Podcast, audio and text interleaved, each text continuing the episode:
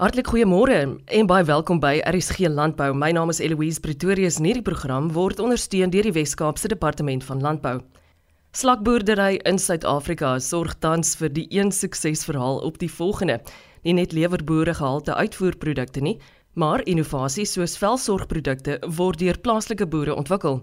Wian Koetser is 'n slakboer van Witrifuur in Mpumalanga En ek het gewonder hoe kouer weerstoestande soos wat ons in die afgelope maande ervaar het, 'n slakboerdery beïnvloed. Man, weet jy ons het die die laaste 3 jaar het dit sporadies van van van 2020 af was dit elke jaar sporadies 'n bietjie kouer, bietjie kouer, bietjie kouer geweest maar elke jaar het die het, het ons slakproduksie verbeter. So die koue weer doen hulle fantasties en as ons natuurlik as, as ons meer reën in die somer kan verwag, dan gaan hulle ook meer aktief wees. So nee, weet uit en uit dit pas ons baie goed eintlik die weer wat nou begin verander. Daar's weer reuse tree vorentoe gegee. Ons het uh ek weet nie in Afrikaans 'n joint venture agreement geteken met 'n Chinese maatskappy vir die vir die uitvoer van ons um, van van ons velsorgreeks. Ehm um, hulle is absoluut gaaf maande daaroor. So ja, ek dink ehm um, in daai sin het het ons as as besigheid verskriklik gegroei in so 'n mate dat ons nou 3 in die laaste 2 maande 3 hubs basies begin het om meer slakproduksie te kan inkry en om produkte te kan verwerk dat ons nie so oorlaai word um, aan ons kant in Witrifuur met produksie nie. Wat die slakbedryf in in geheel aanbetref, daar's nog steeds groei. Daar's daar's 'n konstante groei. Ek sal nie sê daar's 'n um, 'n ewe skielike ontploffing in die mark nie, maar die die groei is konstant en gesond en ons sien al hoe meer mense wat op groter skaal beplan om om om te begin boer en wel betrokke raak. Is jy 'n voltydse slakboer, Wian? Nee, ek is nie. My vrou uh baartigies elke maar deur die dag terwyl ek nie daar is nie. Ek het nog vir so 'n sê 'n day job want ons uh ons belê maar baie van die van die geld wat ons maak terug om die besigheid te laat groei. Kyk, ons doen nou iets ekstra, amper 'n 'n waarde toevoeging aan aan aan die produkte, maar as jy vat jou jou algemene konsep van slakboer, die tipiese ou wat wil slakke boer net om 'n ekstra of éventueel 'n uh, voltydse inkomste daarvan te maak. Dit is nie iets wat jou 8 ure 'n dag kan besig hou nie. Jou broeikamer vat maar die meeste van jou tyd op want dit is waar jou meeste sorg inkom. So ons met ons broeikamer werk. Ons ons het twee voltydse staf wat vir ons werk. So ons broeikamer is van 7 in die oggend tot 11:00 in die oggend. Ehm um, is is dit voltydse werk.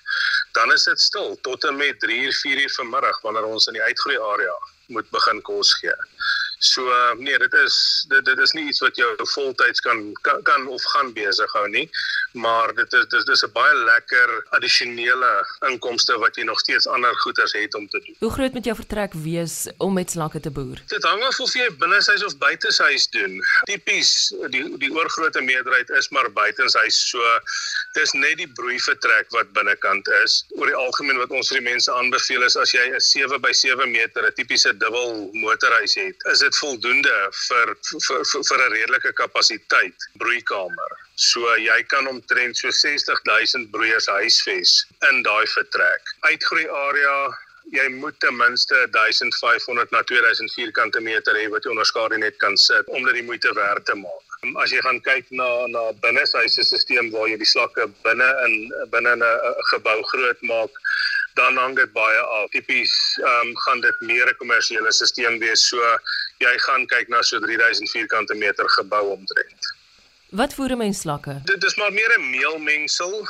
Ons het resepte en daar is nou al 2 of 3 produsente wat dit wel kommersieel vir die boere beskikbaar het. Dit is maar baie dieselfde bestanddele as wat in jou algemene hoender en varkvoer ingaan. Dis maar proteïene en kalsium wat die wat die wat die groot belangrikheid is. Jou voer moet ten minste 22% proteïene bevat en omtrent 30% van jou voerverhouding moet kalsium wees want eerstens het jy kalsium nodig vir die dop om te ontwikkel en te groei en hoe vinniger jy dop groei en hoe meer kwaliteit of hoe meer proteïene jy dan insit hoe vinniger kan die vleis dan die die dop volmaak basies Kan ek op enige plek in Suid-Afrika suksesvol met slakke boer? Dit is 'n moeilike vraag. Ehm um, die die, spesies van slak, die Helix aspersa uh, wat ons mee werk, is jou mees aanpasbare slakspesie in die wêreld, maar Daar is streke wat makliker is en meer ideaal is en daar's ander streke wat jy bietjie meer moeite gaan insit as jy op die tradisionele manier van buitekant slakke groot maak. Die hele scenario verander die oomblik as jy binne huis gaan want dan skep jy basies vir die slakke 'n klimaat. So ons kyk maar altyd na die areas wat die wat die mense ons uit kontak en gaan kyk en doen saam met hulle 'n bietjie huiswerk oor die klimaat en hoe om 'n stelsel aan te pas om om wel in 'n 'n spesifieke klimaat te kan funksioneer. Dit klink vir my of dit baie goed gaan met die slakbedryf in Suid-Afrika, Wian. Ja, ons is ons is aangenaam verras. Ons is baie bly oor hoe dinge verloop. Ek dink ons is ons is op die punt om om dit nogal 'n redelike formele tipe boerdery te maak binne die volgende paar maande. En ja, die die die bedryf groei. Dis dis definitief 'n uh, 'n spasie om dop te hou soos hulle sou sê. Waar kry ons jou in die hande as ons nog raad nodig het? My nommer is uh, 061 465 4536 of dan my vrou Norma is 061 466 4539. Ons e-posadres is uh, info@umaicosmetics. Dis a U M E en dan cosmetics.co.za. Wie voer die meeste slakke uit in die wêreld, weet jy? Dit was altyd Frankryk gewees, uh, maar as gevolg van weerstoestande het hulle een van die grootste invoerders geword. Dit is maar nog jou lande soos um, Italië en en en Griekeland. Die Oekraïne was 'n baie groot uitvoerder gewees, maar ongelukkig met die die huidige stand van dinge wat nou daar gebeur, het die slakboere of die slakindustrie daardie kant het, het het baie skade gekry. Nee, die impak is bietjie groter as wat mense oor die nuus sien. So gesel slakboer van Witrifuur in Mpumalanga, Wian Koetser. Toedieningstegnologie wat verband hou met nuwe swamdoders vir graangewasse, iets wat ons volgende van nader gaan bekyk. Dr Gert van Koller is plantpatologie navorser by die Wes-Kaapse Departement van Landbou. Ja, dit is nou 'n studie wat ons wat 'n MSc student van van Dr Lindy Rose by die Departement Plantpatologie en ek is die mede-studieleier. So werk wat ons gedoen het op Fusarium aarskroei op koring. Nou, ek het al van tevore al voor Fusarium aarskroei gepraat. Dit is wêreldwyd word dit gereken as die die belangrikste siekte op koring en op klein grane want dit veroorsaak skade op drie drie fronte. Eerstens dit veroorsaak oesverliese maar dan tweedens veroorsaak dit omdat dit die are infekteer en die korrels infekteer, veroorsaak dit skade aan die korrels en dit die styselinhoud van die korrels word verlaag en dit kry hierdie verrampelde droë uitgedroogde korreltjies. So die graankwaliteit neem af en dan derdens die ehm um, somme wat dit wat die siekte veroorsaak produseer ook toksine wat in die wat in die graan dan um, versamel en dan die toksine is ongelukkig ook skadelik vir mense en diere so dis nou skade op drie drie drie kante wat die siekte veroorsaak Suid-Afrika, die siekte is meer algemeen in die besproeiingsgebiede omdat die bespro omdat besproeiing nou 'n meer gunstige klimaat vir die siekte skep. Ons sien dit sporadies in die Wes-Kaap, baie keer by ja, baie plekke, byvoorbeeld in suide van die Swartland het ons al redelike hoë uitbrake daarvan gekry. Maar dit is meer tradisionele siekte wat in die besproeiingsgebiede voorkom. So die siekte word nou kan nou beheer word deur meer weerstandbiedende kultivars aan te plant, maar dit is moeilik want daar's nie enkel gene wat regtig goeie weerstand gee nie. Dis meer ons Engels sê minor genes wat bietjie bietjie weerstand byvoeg tot die teen die siekte. En dan volgens volgende proses is dan nou deur agronomiese praktyke, maar veral in die binneland is dit maar beperk want die wisselbou gewasse wat gebruik word is maar beperk in jou keuse wat jy het en baie van die wisselbou gewasse, koring, mielies en sojabone wat algemeen in rotasie geplant word, is almal vatbaar vir vir die siekte. So chemiese beheer is dan nou die ander alternatief, maar jou so Engels sê window of opportunity is maar redelik beperk want dis daai tyd wat die koring en blomme op en op sy vatbaarste is is wanneer daar gespuit word sodat dat so chemiese beheer kan maar wisselvallige resultate gee. En ek dink dis die rede een van die redes waarom daar tot tot op hede nog geen swamdoders in Suid-Afrika teen die siekte geregistreer is nie alhoewel dit um, teen verskeie ander blaarsiektes en so koring wel geregistreer is. So ek het destyds nog in my werk het ek eerste werk gedoen om te kyk daarna, maar ons het nou die MSc student um, Jenny Krause het nou 'n baie nice opvolgstudie gestudie gedoen waar sy toe nou ses verskillende swamdoders geëvalueer het by twee lokaliteite. Die ene was by Napier gewees in die Wes-Kaap by Syngenta se navorsingsplaas en die ander lokaliteit was bo in die binneland tussen Standerton en Verlies onder besproeiingstoestande. Dit is 'n gebied wat ons vroeër al ook al geïdentifiseer het wat nogal 'n hotspot vir die siekte is. So ons het toe 'n paar verskillende kultivars en dat in die ses, ses verskillende swamdoders gewerk en ons het die plante kunsmatige besmet om nou te verseker dat daar hoë siektevlakke is. En ja, ons het baie interessante resultate gekry. Wat ons eers gesien het was ja, um, Napier wat sê maar die laar siekte streek is, het ons redelik goeie het ons redelik goeie siekte gekry, maar ons het ons baie hoë siekte vlakke gekry by verlies van die hoë siekte streke. So dit was eers was dit baie nice geweest. Maar die swamdoders wat ons getoets het, Prosaro wat 'n kombinasie van twee triazol swamdoders is, Foliker wat nou net eene is, vir sy aktiewe bestanddeel Stebuconazole dan was daar Abacus Advance wat 'n uh, mengsel van epoxyconazole en paraclostrobin of tweede triazol is.